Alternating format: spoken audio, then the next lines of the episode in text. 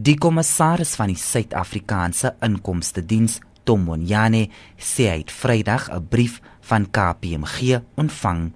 KPMG International has conducted an investigation to certain matters including involving KPMG South Africa, including the preparation of the report.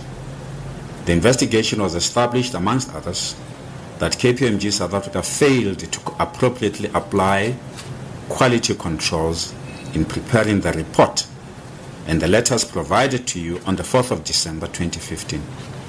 Both headed, I quote, Executive Report on Allegations of Misconduct and Irregularities, close quote. Accordingly, that part of the report which refers to the conclusions, recommendations, and legal opinions should no longer be relied upon.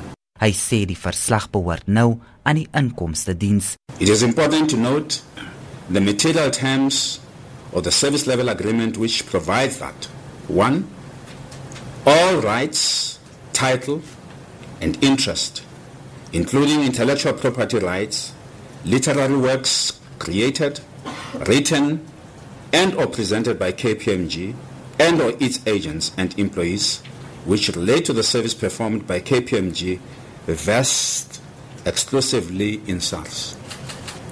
Two, KPMG has irrevocably and in perpetuity transferred, made over, and assigned to SARS all intellectual property rights and which SARS has accepted. Moyane sê die inkomste diens gaan regstappe teen KPMG doen. 1 instituting legal proceeding against KPMG for reputational damage to SARS including but not limited to a civil claim. 2 report KPMG to the relevant statutory audit bodies both locally and internationally. 3 report KPMG to the Minister of Finance with the aim of blacklisting KPMG for its unethical immoral and unlawful behavior.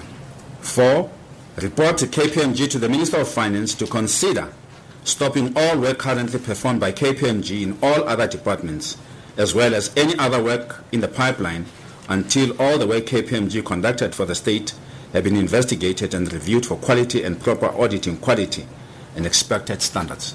Five, immediately cease any work which KPMG is currently performing for SARS and assess the work KPMG has performed in the last 10 years with the aim to determine whether there was any value for money and whether SARS should demand its money back. Moyane sê Ivan Johan van Loggerenberg en Pieter gegee om dissiplinêr verhoor te word. The board went further to instruct SARS to charge employees involved in open criminal charges against those implicated in these crimes. The three employees amongst them Van Loggerenberg, Pillay, and Peter Richer were charged as a result of the Sikhakhane report, respectfully, and the following dates 14th, 5th of February, and lastly on the 5th, on the 2nd of April 2015. The three individuals, instead of facing the, the hearing and to clear their names, all of the three opted to resign.